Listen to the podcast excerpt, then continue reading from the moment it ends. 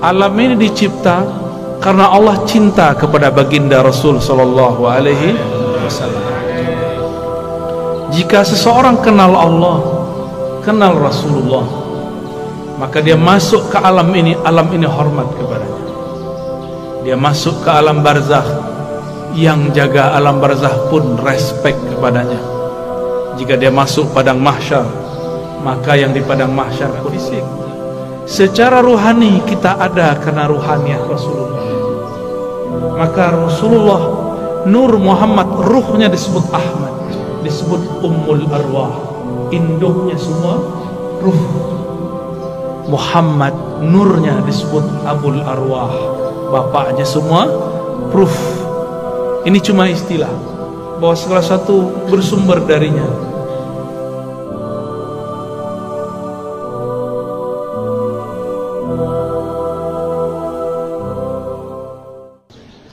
والحمد لله عدد ما خلق في الأرض والحمد لله عدد ما بين ذلك والحمد لله عدد ما هو خالق.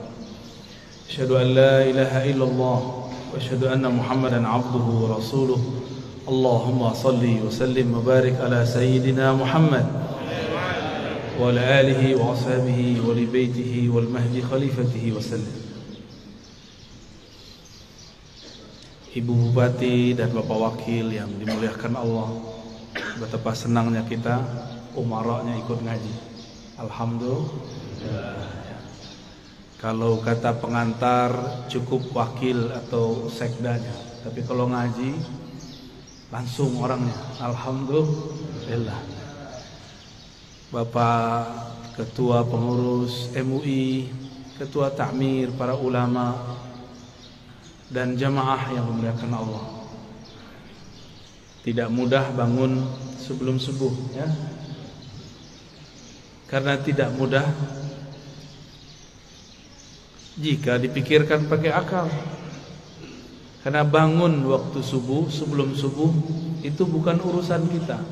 Itu urusan Allah.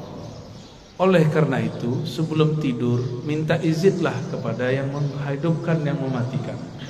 Bismikallahumma ahya wa amut atau amutu wa ahya sama. Ya Allah izinkan aku tidur dan hidup kembali. Kalaupun bangun bangun dalam nama Allah maka kita bangun mengatakan alhamdulillahilladzi ahyana. Terima kasih yang telah mengembalikan hidup kami ya Allah.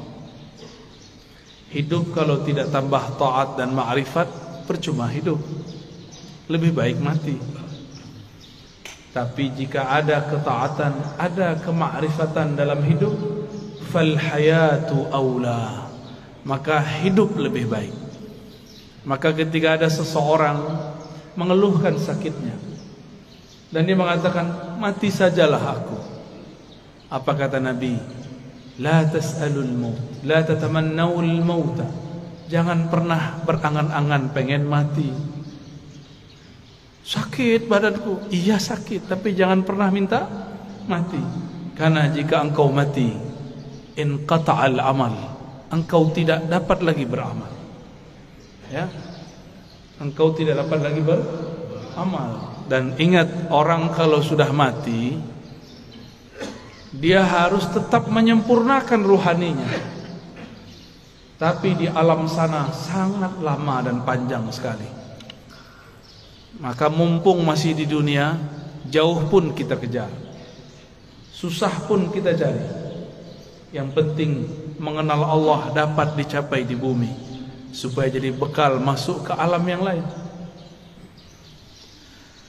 Bapak Ibu yang melekan Allah, kalau pernah keluar negeri atau keluar kota kalau kita tamu dari yang punya kota kita disambut.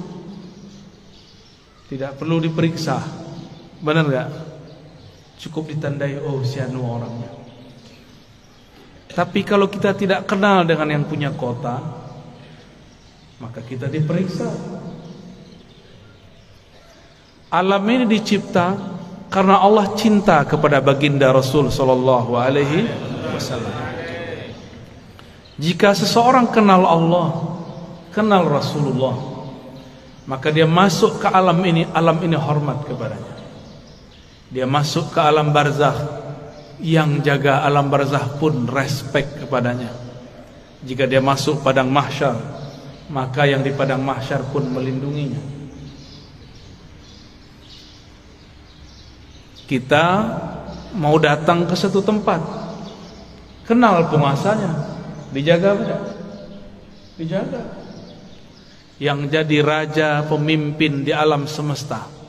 Itulah baginda Rasul sallallahu alaihi wasallam. Beliau bergelar Sayyidul Alamin, penghulu alam semesta. Apabila saya kenal Rasulullah sallallahu alaihi wasallam, maka ketika di alam barzakh Rasulullah lah yang menyambut. Tapi kalau kenalnya baru imam, lumayan. Imam itu nanti yang akan sambut. Kalau kenal Allah, pasti kenal Rasulullah. Tidak ada orang kenal Allah kecuali lewat pintu Rasulullah. Maka ma'rifat mengenal ada dua jalur. Ada ma'rifat Muhammadi mengenal dengan jalur Nabi Muhammad. Ada ma'rifat Azaziliyah Iblisiyah. Ada mengenal jalur iblis. Kenal juga Tapi kenal dengan cara yang tidak benar. Allah subhanahu wa ta'ala mengatakan Kul in kuntum tuhibbunallah fattabi'un Katakanlah jika engkau betul cinta kepada Allah Maka ikutilah jalanku Ikutilah aku Ikuti Rasulullah sallallahu alaihi wasallam Maka banyaklah kelompok yang mengaku dialah yang paling ikut Rasulullah sallallahu alaihi wasallam. Yang diikut bukan model baju. Yang diikut akhlak yang punya baju. Kalau model baju berubah-ubah per zaman. Ini bajunya kurang sunnah nih sebagiannya. Rasulullah itu suka pakai baju impor.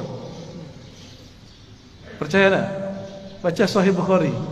Rasulullah selalu pakai baju dari luar negeri dari Bahrain, beliau tinggal di Madinah, dari Persia, dari Romawi, dari Yaman, dari Mesir, dari Syam.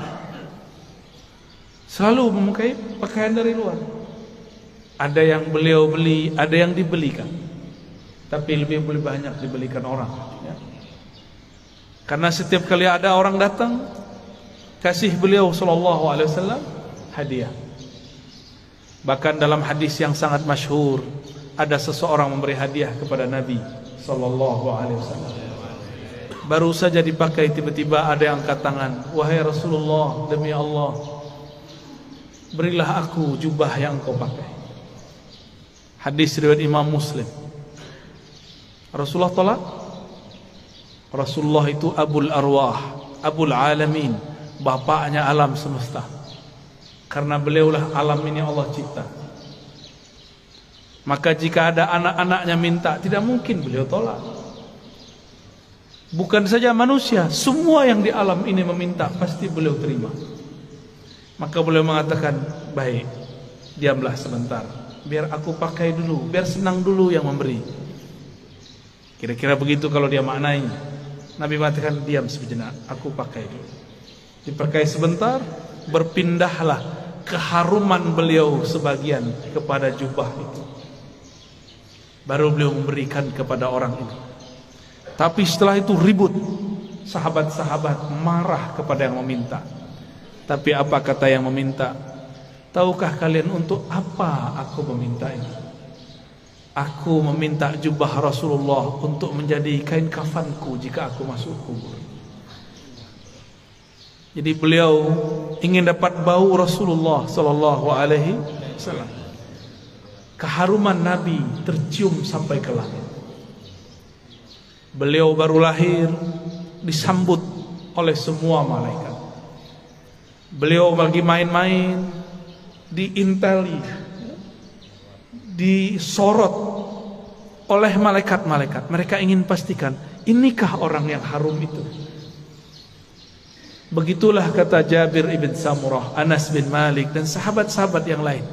Tidaklah Nabi melewati satu tempat melainkan tempat itu ada harum Rasulullah di sana. Ketika Nabi pergi, harumnya masih tersisa. Sallallahu alaihi wasallam. Itulah sebabnya Imamuna Imam Malik, guru dari imam kita Muhammad bin Idris Asy-Syafi'i. Jika beliau masuk kota Madinah, beliau langsung melepaskan sendalnya dan berjalan di bawah, tidak menggunakan kendaraan apa pun. Lalu orang-orang bertanya, itu raja-raja masih naik kendaraan, kenapa engkau nyeker jalan kaki? Apa jawaban Imam Malik yang wafat 179 Hijriah? Sudah jauh setelah Rasulullah tidak bertemu fisik Rasulullah sallallahu alaihi wasallam. Apa kata beliau? Aku malu di mana ditaruh wajah Malik. Dia berjalan dengan kakinya yang gagah di atas kendaraannya yang megah, tapi di bawah tanah ada jasad Rasulullah sallallahu alaihi wasallam. Oleh karena itu, Allah muliakan Imam Malik bin Anas dengan memandang Rasulullah setiap kali dia tidur. Ma lailan illa wa ra'aitu nabiyya sallallahu alaihi wasallam. Tidaklah aku tidur melainkan aku bermimpi memandang Rasul sallallahu alaihi wasallam. Berdasarkan hadis ini, riwayat-riwayat ini dan kisah Imam Malik, orang-orang semuanya beradab kepada Rasulullah. Satu kali Rasulullah sallallahu alaihi wasallam berganti mimbar tadinya bersandar di pohon pelepah atau belahan-belahan pohon kurma. Tiba-tiba ada orang Rum, orang Syam. Mereka baru datang ke Madinah, tapi langsung masuk Islam. Ahli mebel, tahu mebel ya? Dia bisa buat mimbar Rasulullah. Ini termasuk mimbar, ini mimbar namanya. Ini bukan panggung, tapi mimbar cuma kegedean. Lalu Nabi naiklah ke atas mimbar. Ketika Nabi memulai mau mengajar di atas mimbar, tiba-tiba beliau dan para sahabat mendengarkan suara seperti orang merindu, seperti pengantar dari pembawa acara kita yang sangat merindukan Rasul sallallahu alaihi wasallam. Ternyata suara dilihat tidak ada anak-anak, tidak ada orang-orang, tidak ada siapa pun yang menangis. Rasulullah mengerti maka beliau mengatakan yang menangis itu pohon kayu yang aku jadikan sandaran sekarang aku tinggal karena ada mimbar yang baru. Maka beliau turun sejenak. Itu tiang pohon dielus-elus. Hanna hanina. Dia sedang merindu kepada Rasulullah. Ditinggal oleh Rasulullah. Maka Nabi ajak dia ngobrol. Kamu pilih bersamaku atau masuk surga. Kalau kita ditanya begitu maunya apa? Masuk surga. Samalah dengan kayu.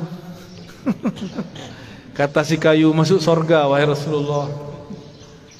Ya, tinggian dikit daripada onta ya. Kalau onta datang kepada Rasulullah ngaku masalah perut, punggungnya sakit. Ngadu kepada Rasul, mengadukan perasaan perut dan punggungnya yang berat. Lain dengan si pohon. Dia mengadukan masalah ingin selalu jadi sandaran Rasul. Nabi kasih kesempatan bersamaku atau surga. Jawabannya apa? Ya. Kalau si pohon jawabnya apa? Kayu bilangnya apa? Surga. Karena kayu tidak punya akal. Kalau kayu punya akal, dia akan jawab bersama engkau, wahai Rasulullah. Ya, jadi yang berhati kayu minta surga dia. Ya. Berarti di dalam kayu ada ruh yang merindu. Tidak mungkin kayu bisa nangis jika tidak ada ruh di dalamnya. Maka di sini ada ruh. Ada ruh. Di alam semesta ada ruh. Kalau bahasa kawan-kawan ilmu pengetahuan ada energi di alam semesta ini bertebaran energi-energi yang aktif. Elektromagnetik kata orang dan itu tarik menarik. Apa yang membuat dia paling tertarik? Yaitu sosok baginda Rasul sallallahu alaihi wasallam atau siapa pun yang terhubung kepada Rasulullah sallallahu alaihi wasallam. Maka datanglah seseorang kepada baginda Rasul sallallahu alaihi wasallam. minta izin untuk cium tangan dan kakinya. Ada lagi orang datang karena tidak ada Rasulullah, Rasulullah sudah dikubur. Maka datanglah kepada khadam Rasulullah, pelayan Rasulullah Sayyidina Anas. Orang ini mengatakan, "Ya Anas, manakah mata yang dulu mata itu memandang Rasulullah? Izinkan aku mengecup matamu." Ada lagi yang datang kepada Jabir, datang kepada sahabat-sahabat lain mengatakan, "Manakah tangan yang dulu tangan engkau pernah bersentuhan dengan tangan Rasulullah sallallahu alaihi wasallam? Izinkan aku mengecupnya, memegangnya." Begitu dulu mereka merindukan Rasulullah sallallahu alaihi wasallam yang tidak dapat memandang memegangnya, maka pandanglah siapa yang pernah memandangnya. Sallallahu alaihi wasallam. Tiadalah mukmin memandang Rasul sallallahu alaihi wasallam kecuali bertambah cintanya. Tiadalah kafir memandang Nabi kecuali bertambah kufurnya. Tiadalah munafik memandang Nabi sallallahu alaihi wasallam kecuali bertambah kemunafikannya. Maka memandang Nabi pun bukan tanda orang itu selamat dengan apa dia memandang. Abu Jahal pandang Muhammad bin Abdullah atau Muhammad Rasulullah Siapa yang dipandang oleh Abu Jahal Abu Lahab Muhammad bin Muhammad anak saudaraku Dia tidak pandang Muhammad Rasulullah sallallahu alaihi wasallam. Satu kali Jabir ibn Samurah diajak jalan-jalan oleh Rasulullah sallallahu alaihi wasallam. Sampailah di satu tempat. Tiba-tiba ada seorang ibu-ibu Membawakan anak kecil Mengatakan wahai Rasulullah Anakku diganggu jin setiap hari.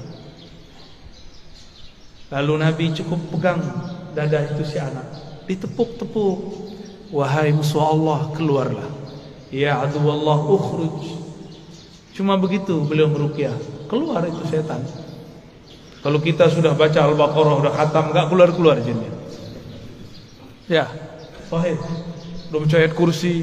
Apa yang salah? Bukan ayat kursinya kurang sakti. Kau kurang yakin. Ya. Itu masalahnya. Rasulullah SAW sumber keyakinan. Maka tidak perlu baca-baca. Beliaulah Al-Quran yang berjalan. Ketika Sayyidah Aisyah mengatakan akhlaknya Rasulullah adalah Quran, berarti Rasulullahnya apa? Jika akhlaknya Quran, sifatnya apa? Jika akhlaknya Quran, namanya apa? Jika akhlaknya Quran, zatnya apa? Yang punya yang punya akhlak itu dirinya siapa?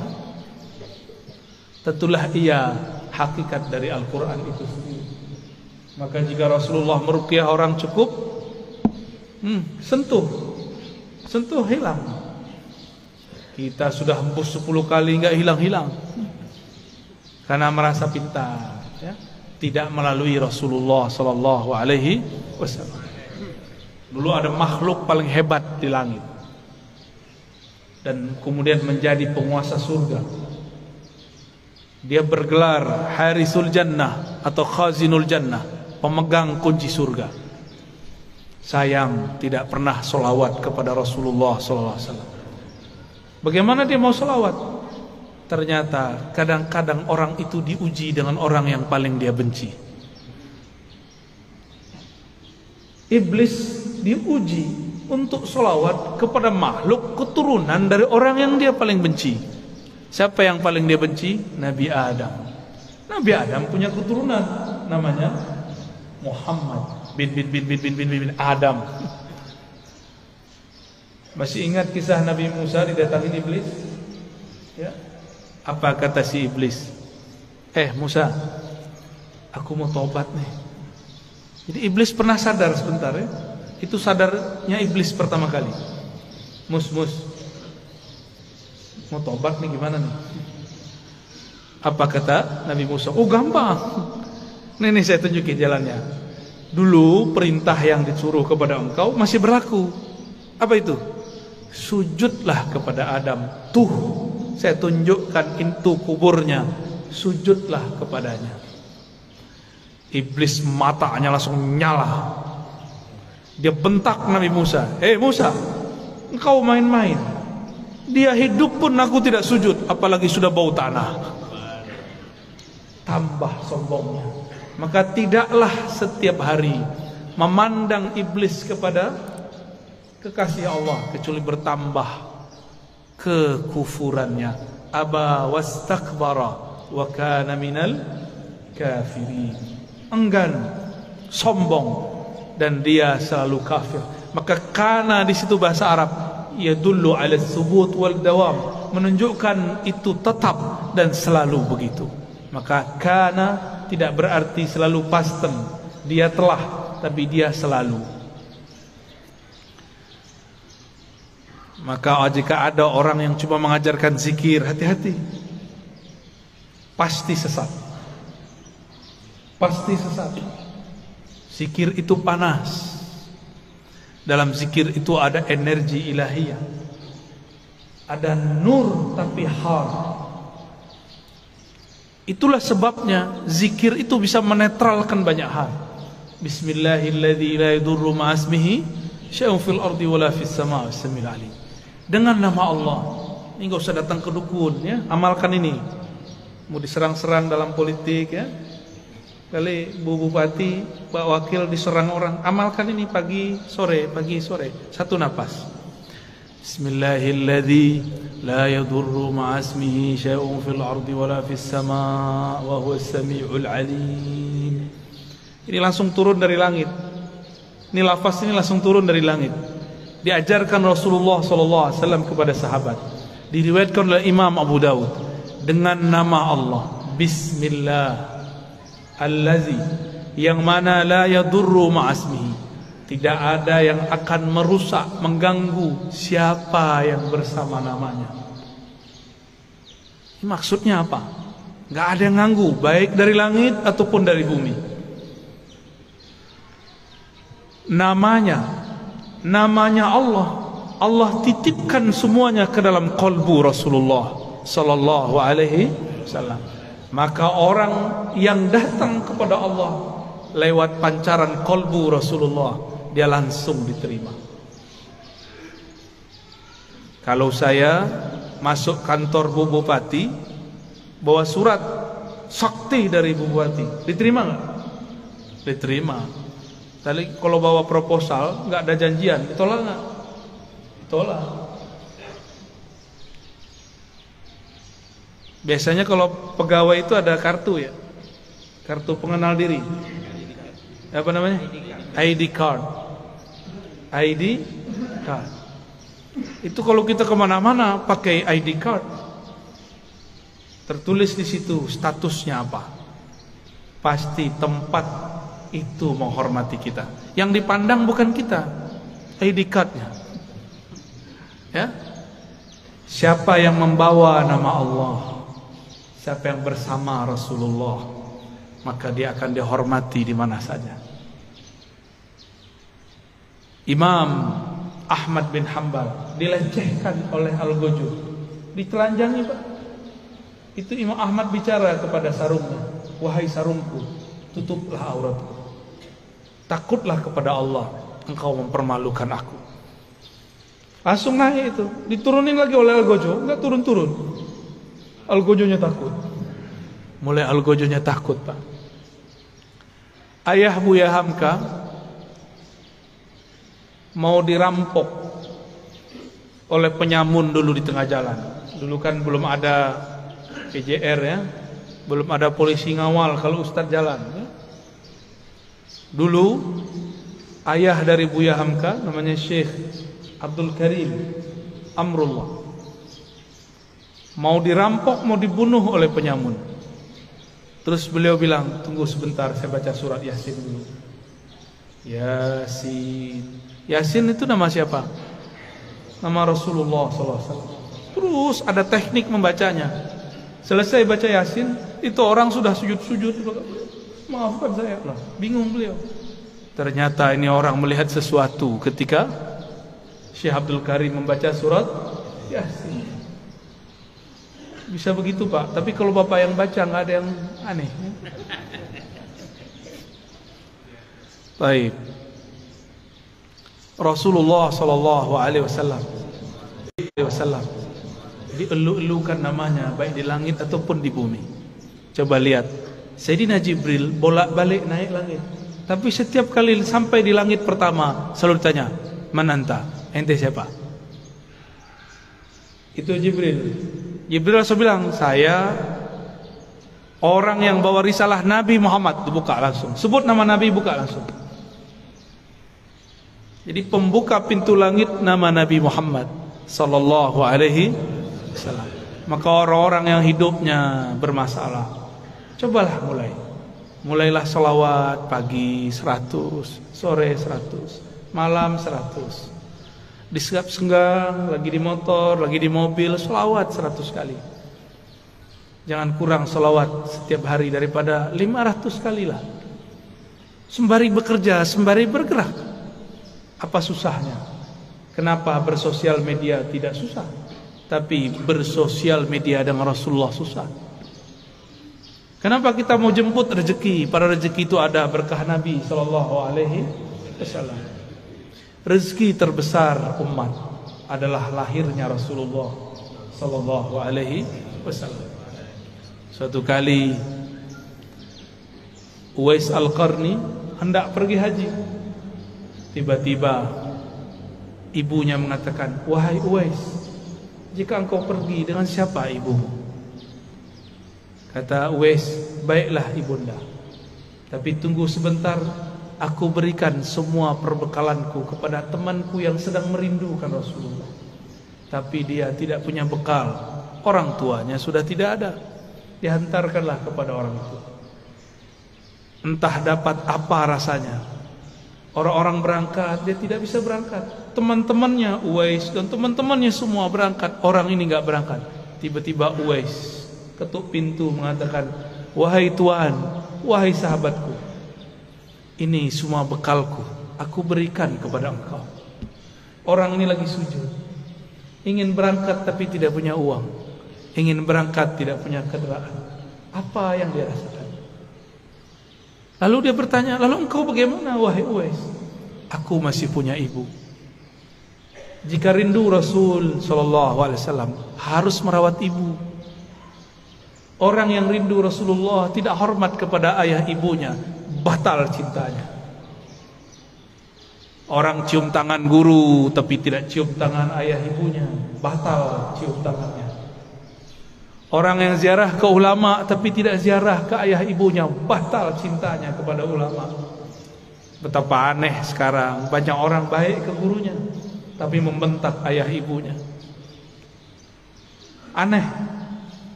masih punya ibu sebagian besar, ayah nanti pulang cium tangannya. Ya. Baca solawat ketika mencium tangannya. Semoga Allah ridho melalui ibu Dan pasti ridho. Ridho Allah itulah kunci dalam tangan ibu. Kenapa disebut ibu dan ayah itu kunci ridho Allah? Ridho Allah fi ridho walidain karena merekalah kita ada secara fisik secara ruhani kita ada karena ruhaniah Rasulullah. Maka Rasulullah Nur Muhammad ruhnya disebut Ahmad disebut Ummul Arwah. Induknya semua ruh. Muhammad nurnya disebut Abul Arwah. Bapaknya semua ruh. Ini cuma istilah. Bahwa segala satu bersumber darinya Inilah yang sering kita katakan ketika Allah menciptakan alam semesta. Apa yang Allah lakukan pada alam? Allah menciptakan alam ini supaya alam ini sempurna dengan menyembahnya. Allah tetap sempurna tanpa disembah alam. Allah ciptakan alam supaya alam itu sempurna dengan menyembahnya disebut dalam Quran liya'budun. Untuk menyembahku. Siapakah yang paling sempurna menyembah Allah? Rasulullah SAW siapakah yang paling kenal Allah? Rasulullah SAW Maka yang dimaksud dalam ayat ini tidaklah aku ciptakan jin dan manusia illa liya'budun. Kecuali untuk menyembahku sebenar-benar menyembah, mengenalku benar-benar mengenal. Itulah sosok Rasulullah sallallahu alaihi wasallam. Jadi ayat ini berbicara tentang Rasulullah sallallahu alaihi wasallam. Jadi jika ada orang mengatakan tidak usah buat maulid, tidak usah buat zikir-zikir, Gak usah buat zikir jamaah Gak usah buat manakib Tugas kita ibadah Ya itu ibadah Dan ibadah yang paling tinggi adalah As-salawat ala nabi Sallallahu alaihi wasallam Ini saya ulang-ulang Ya supaya masuk ke alam sadar kita Dan alam bawah sadar kita Allah solat nggak? Hmm? Allah solat nggak? Allah tadi solat subuh nggak? Hmm? Enggak. Saya ulang yang kenceng dong. Allah sholat nggak? Allah haji nggak? Allah puasa nggak? Allah sedekah nggak? Tapi Allah bersalat. Inna Allah malaikatahu salluna ala nabi. Jadi sebelum ada salatnya kita, Allah sudah salawat kepada Nabi. Sebelum ada zikir, baca Quran, ngaji kita, belum ada torikot kita, belum ada mazhab kita, belum ada manhaj kita, belum ada. Allah sudah bersalawat maka ciri-ciri musuh Allah dia benci orang salawat meskipun sorbannya tujuh kali lilit. Meskipun jenggotnya sepanjang. Hmm, tali apa? Tali rapia. Bapak kayaknya kesal banget orang-orang itu ya. Korban sepertinya ini ya. Nggak ngaruh ya. Tidak ngaruh, tidak berpengaruh. Bapak Ibu yang melakukan Allah, karena solawat itu adalah fiilnya Allah. Solawat itu apa? Apa arti fiil? Kerjanya Allah. Dengan solawat itulah Allah menciptakan alam. Solawat itu artinya cinta dan kasih sayang. Maka kalau kita salawat, Allahumma salli ala Sayyidina Muhammad. Apa artinya? Ya Allah, sampaikan cinta, salam kasih sayang kepada baginda Nabi Muhammad. Jadi solawat itu jangan pakai terjemahan biasa. Ya Allah beri solawat ke Nabi Muhammad. Itu bukan bukan memaknai. Itu namanya translate. Men, menterjemah. Bersolawatlah dengan rasa. Bersolawat dengan rasa. Kita mengatakan, Ya Allah, balik salami wa salati ala Sayyidina Rasulullah sampaikan salamku, rinduku, cintaku kepada Rasulullah sallallahu alaihi wasallam. Kalau sudah cinta, apa pun yang disuruh yang dimintanya, mau nggak? Dulu kita belum kenal orang, ngasih 500 aja susah. Sekarang sudah jadi pasangan, mau dia minta 5M kalau ada kita kasih. Kalau nggak ada, salawat ya. Jamaah subuh yang diberkahi Allah Bahkan subuh ini ada Karena salawat kepada Rasulullah Sallallahu Alaihi Wasallam. Wasubhi idha tanafas Begitu ayatnya. Demi waktu subuh Yang berhembus, yang bernafas. Jika Allah tidak bernafas Dengan salawatnya Maka bunyi nafasnya Allah Salawat kepada Rasulullah Sallallahu Alaihi Wasallam. Maka niatkan hidup ini untuk bersolawat kepada Rasulullah. Inilah yang disebut takhallaqu bi akhlaqillah. Tirulah fiil-fiilnya Allah. Tirulah akhlaknya Allah. Allah itu mencipta alam dalam solawatnya karena cinta kepada Rasulnya. Maka beramallah karena cinta. Bukan lagi buat maulid, buat manakib karena ada hajat. Pak Kiai, Pak Ustaz, doakan saya bisa beli apa? beli rumah. Pak Kiai doakan saya beli mobil. Pak Kiai samalah kau dengan onta itu ya. Onta datang ke Nabi, ya Rasulullah perutku lapar. Tugasku banyak, tuanku nggak tahu diri. Onta datang nangis. Yang dikadukannya bukan ya Allah Rasulullah izinkan aku bersamamu. Nggak ada dia ngomong begitu. Onta. Paham onta? Si kayu ngomong, aku ingin di surga aja. Tapi beda dengan Abu Bakar, beda dengan Umar, beda dengan Utsman, beda dengan Ali. Mereka ingin jadi pintu-pintunya Rasul. Maka ujung dari pintunya Rasulullah, pintu terdekat Sayyidina Ali. Apa kata beliau? Aku kota ilmu, alilah pintunya. Maka tiada satu mazhab, satu manhaj, satu aliran, satu pemikiran yang sahih kecuali sanatnya bersambung kepada Sayyidina Ali. Tapi syaitan tidak tinggal diam. Dia buatlah, dia campur adukkanlah cinta kepada Ali dengan benci kepada sahabat. Namanya kelompok Rafidah. Kelompok yang membenci sahabat Rasul sallallahu alaihi wasallam. Ya, kita cinta Sayyidina Ali, cinta juga sahabat Rasul. Ini perbedaan kita dengan Syiah Rafidah. Mari berguru kepada orang bersanad, nanti bersambung kepada Sayyidina. Lebih kurang itu pengantar rindu yang dapat saya sampaikan. Ya, di sela-sela rihlah. Rihlah artinya perjalanan. Dulu Rasulullah buat rihlah. Insyaallah kalau lain kesempatan kita terus